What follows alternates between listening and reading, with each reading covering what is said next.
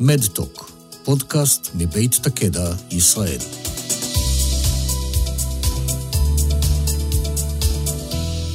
שלום רב, כאן אוד גונדר עם פרק חדש של מדטוק, פודקאסט מבית תקדע ישראל, המיועד הפעם במיוחד למטופלים העתידים לקבל טיפול ביולוגי במחלות מעי דלקתיות. טיפול ביולוגי הוא כלי יעיל ומתקדם להתמודדות עם קרון או קוליטיס קיבית. למטופלים יש שאלות הנוגעות לטיפול.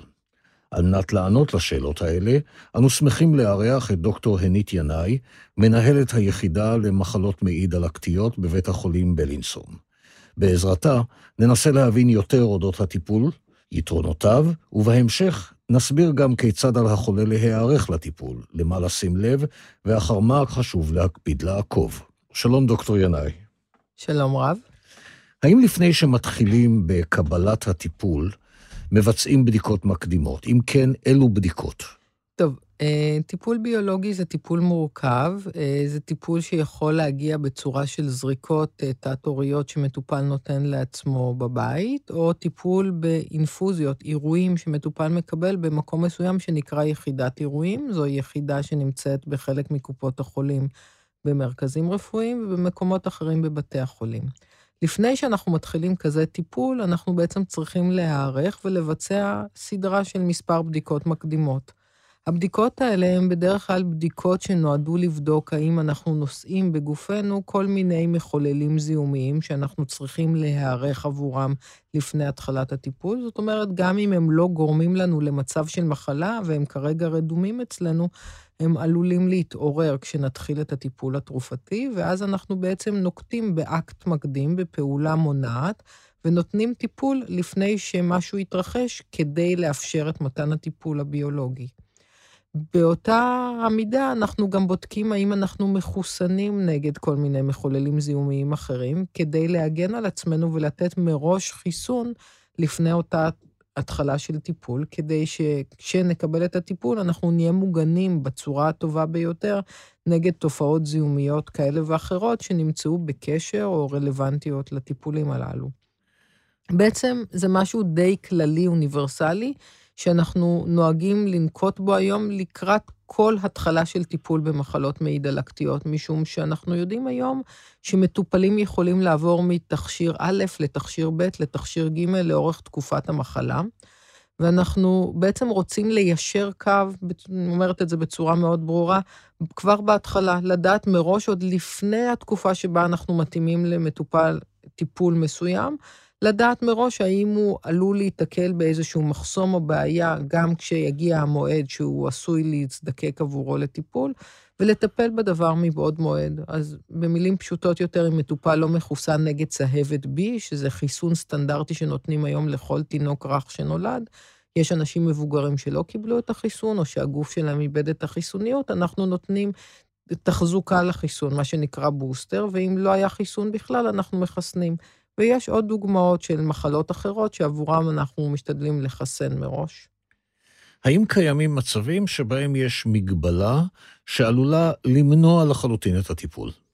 יש אה, מחלות מסוימות או סיטואציות מסוימות שמהוות הוריית נגד להתחלת טיפול תרופתי בתכשירים ביולוגיים, או בכלל בתכשירים שבעצם מפריעים לתפקוד של מערכת החיסון, או עושים ויסות למערכת החיסון הזו.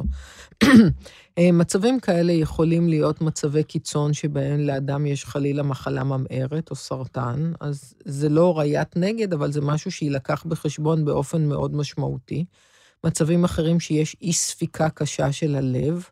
אה, מצבים אחרים זה שיש בגוף זיהום פעיל כלשהו. אז כמובן, שני המצבים הראשונים הם מצבים מאוד נדירים בקרב אוכלוסיית המטופלים שלנו, אבל צריך להיות ערים ולשים לב אליהם. מצב של זיהום זה מצב שכמובן יכול לקרות, ואנחנו צריכים לאתר אותו מראש, לטפל בזיהום, ולהתחיל את הטיפול הביולוגי רק אחרי שהזיהום שהיה קודם נכנס למצב של שליטה, הפוגה או אפילו ריפוי באופן מועדף.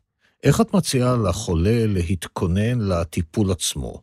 האם יש הנחיה מיוחדת שקשורה באוכל, דברים שרצוי לאכול או לא לאכול לפני הטיפול? התכוננות לטיפול אה, ביולוגי היא לא רק לעירוי, היא גם לזריקה מתחת לאור. אז אה, גם לזריקה וגם לעירוי לווריד אפשר לאכול כל מה שרוצים, ולא צריך לנקוט באיזשהו צום או התכוננות מיוחדת מבחינת תזונה או שתייה. אה, כשאנחנו מקבלים זריקה בבית, אנחנו צריכים לשים לב שאנחנו נותנים לעצמנו את הזריקה כשאנחנו במצב בריאות תקין. אם עולה לנו החום, או שאנחנו מרגישים שאנחנו חולים באיזושהי צורה חריגה מהמצב הבריאותי הרגיל שלנו, אנחנו צריכים לעדכן את הרופא ולברר אם אנחנו יכולים להמשיך בהזרקה, כן או לא. אה, לגבי אה, קבלת עירוי לווריד, ההוראות הן די דומות, רק שפה אנחנו מגיעים ליחידת עירויים, המטופל מגיע ליחידת עירוי, שם הוא פוגש צוות רפואי שהוא נגיש עבורו ובעצם צריך להתקין עבורו את העירוי, ואז המטופל עובר הערכה על ידי צוות של אחים או אחיות, ואחר כך צוות רפואי שעושה הערכה מהירה, לוודא שאין איזה מחלה זיהומית או ראיית נגד למתן העירוי באותו היום.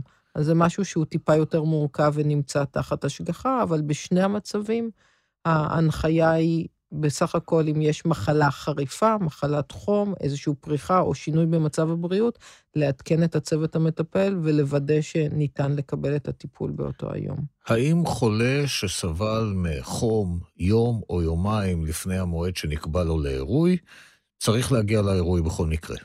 חולה שסבל מחום יום או יומיים לפני העירוי צריך לעדכן את הרופא המטפל ולברר את העניין מולו. בדרך כלל, אם החום חלף והמחלה בדרך כלל ויראלית, סוג של צינון או מחלה דמוית שפעת אה, עברה, אין סיבה לעכב את הטיפול התרופתי.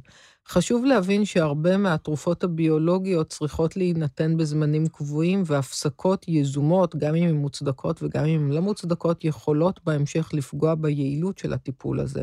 אז כן צריך להיות בקשר עם הצוות המטפל.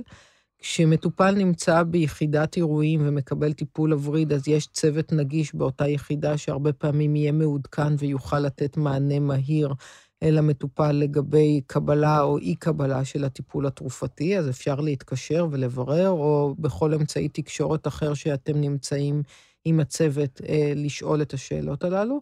ואם אתה מטופל מקבל טיפול בזריקות אה, עצמיות בבית, אז הוא יכול לפנות או לרופא המשפחה או לרופא הגסטרו או לצוות של היחידה הרב-תחומית שם הוא נמצא. בדרך כלל יש אח או אחות שעוסקים במחלות מעי דלקתיות, או צוותים מלווים אחרים, שכולם יודעים את הכללים המאוד סטנדרטיים אה, לגבי מתי כן ומתי לא. כלל האצבע, אם אתה חולה, אם יש מחלה פעילה, לא לקבל את הטיפול. אם אין מחלה פעילה והכול חלב, בדרך כלל אפשר להמשיך. עבור נשים בגיל הפוריות, האם מחזור חודשי הוא משהו שצריך להשפיע או למנוע קבלת אירוי? לא, ממש לא. זה דבר סטנדרטי ואין שום קשר בין מחזור חודשי וקבלת טיפולים ביולוגיים או טיפולים תרופתיים במחלות מעי דלקתיות. במקרה של אירוי במרכז כמה זמן נמשך האירוע? כמה זמן נמשך הטיפול? זה מאוד רלוונטי למטופל ולסוג התרופה שנותנים. יש תרופות שמשך העירוי יכול להיות ממושך מאוד, אה, אפילו מספר רב של שעות, ויש תרופות שיכולות להינתן בצורה פשוטה מאוד, חצי שעה, שעה או שעה וחצי, והמטופל מסיים את כל התהליך. חשוב לדעת שלפעמים יש מטופלים שתוך כדי הטיפול בעירוי יכולים לפתח תופעות שונות, שבעצם מנוטרות על ידי הצוות שנמצא ביחידת האירועים, ובמצבים כאלה, כמו שמופיעה פריחה או לפעמים תחושת חום, הצוות יעשה התאמה ספציפית לאופן מתן העירוי, למשל יאט את הקצב של מתן העירוי, יאריך את הזמן, יעשה איזושהי הפסקה במשך הטיפול, או ייתן איזושהי תרופה שתקל על התופעות שמטופל חווה. אלה הם לא המצבים השכיחים. ברוב המצבים השכיחים, מטופל מגיע, מקבל את העירוי שנמשך זמן מסוים ידוע מראש, שוב, בתלות בתרופה המסוימת שהמטופל מקבל, יסיים את העירוי ויחזור לשגרת היום-יום שלו בהתאם למה שהוא או היא עושה. כמה זמן מומלץ למטופל להמתין במרפאה לאחר הטיפול? האם יש מגבלות על נהיגה, על פעילות גופנית? כשמישהו מקבל טיפול באופן קבוע ולא מדובר באירועים הראשונים, אפשר די מהר לחזור לשגרת היום. מטופל מסיים את העירוי, מוציאים את ה, אה, מה שנקרא מחט מהיד, שצינורית הפלסטיק של העירוי, ומטופל אומר, תודה רבה, שלום, מתאם את התור למועד הבא ויכול לחזור לשגרה. אין הגבלה על נהיגה ואין הגבלה על שום פעילות אחרת. אל מה צריך לשים לב אחרי האירוע? האם יש סממנים מיוחדים שצריך להיות קשובים אליהם סמוך למועד קבלת הטיפול? אז זה רלוונטי לכל תרופה שאנחנו מקבלים. כשמישהו מקבל תרופה, צריך לשים לב אם מופיעות תופעות לוואי אחרי קבלת התרופה. האם מופיע חום, האם מופיע גרד או פריחה על העור, אם חלילה מופיע קוצר נשימה או דברים שהם יותר משמעותיים, כמובן צריך לפנות לרופא באופן מיידי. אבל התופעות הפשוטות יותר, אם מופיע חום, גרד או פריחה, צריך לעדכן את רופא הגסטרו ואת הצוותים ביחידת העירויים. אה, ולקבל התאמה של טיפול בהתאם לסיטואציה. איך אתם עוקבים אחרי הטיפול? איך אתם יודעים שהטיפול מצליח? אה, זו שאלה מאוד מעניינת וגם מאוד חשובה. הטיפול במחלות מעי דלקתיות, כדי לוודא שהוא מצליח, מחייב מה שנקרא monitoring ומעקב, ניטור. אז אנחנו בעצם שואלים את המטופל האם הוא מרגיש יותר טוב. בדרך כלל אדם מקבל טיפול תרופתי כי יש לו איזו תלונה, אז אנחנו שואלים את המטופל שלנו האם התלונה חלפה ואם היא קיימת או לא קיימת. אנחנו בודקים אה, אספקטים שונים שמבטאים תהליך דלקתי פעיל או לא פעיל בבדיקות מעבדה, ובודקים אם הם השתפרו, לא השתפרו, או אולי חלילה החמירו. ואנחנו נוהגים גם לבדוק את התהליך הדלקתי בדופן המעי עצמו על ידי בדיקות אנדוסקופיות או על ידי בדיקות הדמיה, שוב, בתלות במיקום המחלה ובמאפיינים הספציפיים האישיים אצל כל אחד ואחת.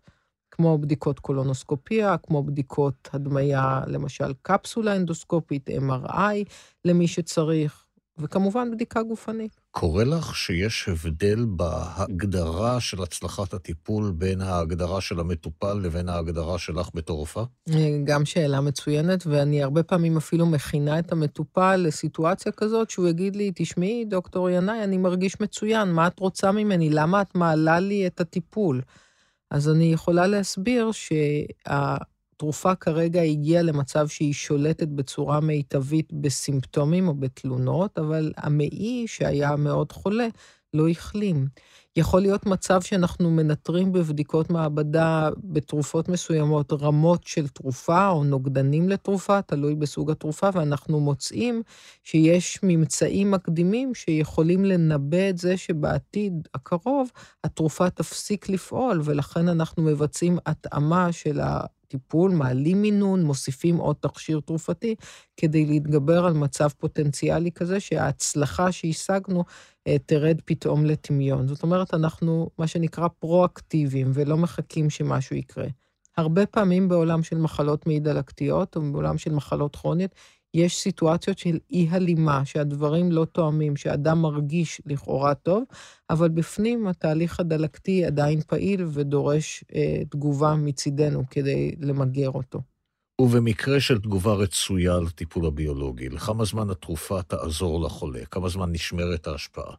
שוב פעם, אה, אין פה תשובה חד-חד ערכית שהיא מידה אחת מתאימה לכולם. יש אנשים שהטיפול הביולוגי יהיה יעיל עבורם לתקופה ארוכה מאוד, ויש אנשים שאצלם יקרה לצערי תהליך שנקרא אובדן תגובה, ואז אנחנו נצטרך לפעול כדי לתקן את התופעה.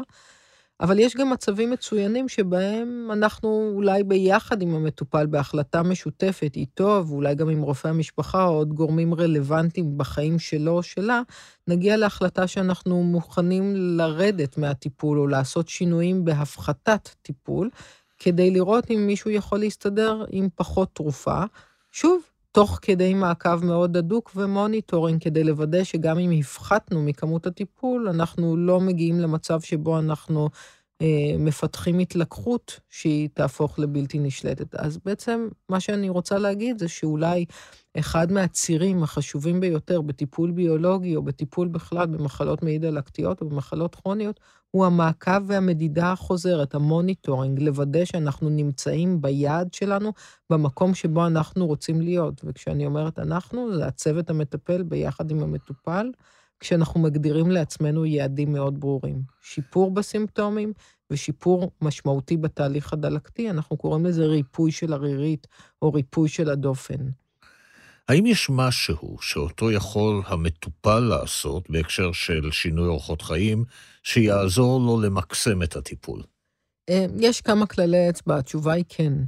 אה, מטופל צריך לשמור באדיקות על ההנחיות של הטיפול התרופתי, אז למשל אם אדם מקבל זריקות עצמיות בבית, הוא פשוט צריך לקחת אותן. אנחנו הרבה פעמים מוצאים את עצמנו רושמים לאנשים תרופות, ואני אפילו אומר לך שאנשים אפילו רוכשים את התרופות האלה, שעולות לפעמים לא מעט כסף, אבל הם לא נוטלים אותן, הם לא מזריקים את הזריקה. אז אל תהיה מופתע, זה קורה. אה, אז מטופל צריך לקחת את הטיפול. אה, מטופל צריך אה, להקפיד היום, אנחנו יודעים על כללי תזונה ודיאטה שיכולים להיטיב עם האופק של הבריאות של אנשים עם מחלות כרוניות ובהכרח עם מחלות מעי דלקתיות. יש כללים מאוד...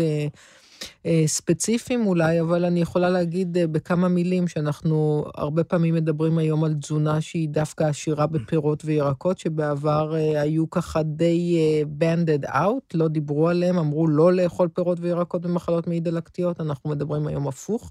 שוב, בעניין של התאמה אישית, יש אנשים מסוימים שלהם יש מגבלות בגלל אופי המחלה הספציפי אצלהם, למשל, אם יש להם היצרויות במעיים, אז שם אני לא יכולה לתת הנחיה גורפת כזאת, אבל ככלל האצבע, פירות וירקות זה דבר מיטיב לתהליך הדלקתי. תזונה שהיא מבוססת על אוכל לא תעשייתי ולא מעובד מאוד, וכזה שאין בתוכו כל מיני דברים שאנחנו רואים במה שנקרא fast food. אה, אוכל שהוא בעצם יותר לכיוון ים תיכוני, וכמובן מותאם להעדפות הספציפיות של כל אחד ואחת. עוד דברים שצריך לשים לב אליהם בתזונה זה טיפול בחסרים, אז לשים לב אם מישהו צריך יותר ברזל או יותר חלבון, יש המון התאמות בתזונה שיכולות לשפר, אתה יכול לעשות, מטופל יכול לעשות עבור עצמו, כדי לשפר את איכות חייו ואת מצב הבריאות. אה, כשאנחנו מדברים על מחלה על שם קרוהן, הנושא של הפסקת עישון או הימנעות מעישון סיגריות הוא מאוד מאוד רלוונטי. אה, הימנעות מטיפול לא רצוי או לא הכרחי בתרופות שהן נוגדות דלקת, NSAIDs, תרופות כמו אדוויל, נורופן או תרופות מהמשפחה הזאת שהן לא הכרחיות, כדאי להימנע ממנו. זה שוב, זה לא הנחיה גורפת נגד, ואם צריך במצבים מסוימים אז צריך. אבל אם לא צריך, אז לא צריך לקחת תרופות מהסוג הזה, ולכאבי ראש פשוטים או לכאבי שיניים פשוטים, אפשר להיעזר בתרופות כמו אקמול אופטלגין, במידה ואין אלרגיה. אה, ויש עוד דברים כמו ניהול של סטרס, אה, כמה שזה נשמע אולי לא מאוד מתוחכם, אבל אנחנו היום יודעים שכאילו מה שנקרא stress management וטיפול במצבי דחק, ולפעמים גם טיפול פסיכולוגי יכול לעזור ולהפחית אירועים של התלקחויות. תודה, דוקטור ינאי. עד כאן במהדורה הזאת של מדטוק, הפודקאסט מבית תקדע ישראל. עד כאן במהדורה הזאת של מדטוק, הפודקאסט מבית תקדע ישראל. למידע נוסף בנושא קרון וקוליטיס קיבית, אתם מוזמנים לבקר באתר ibd360.co.il.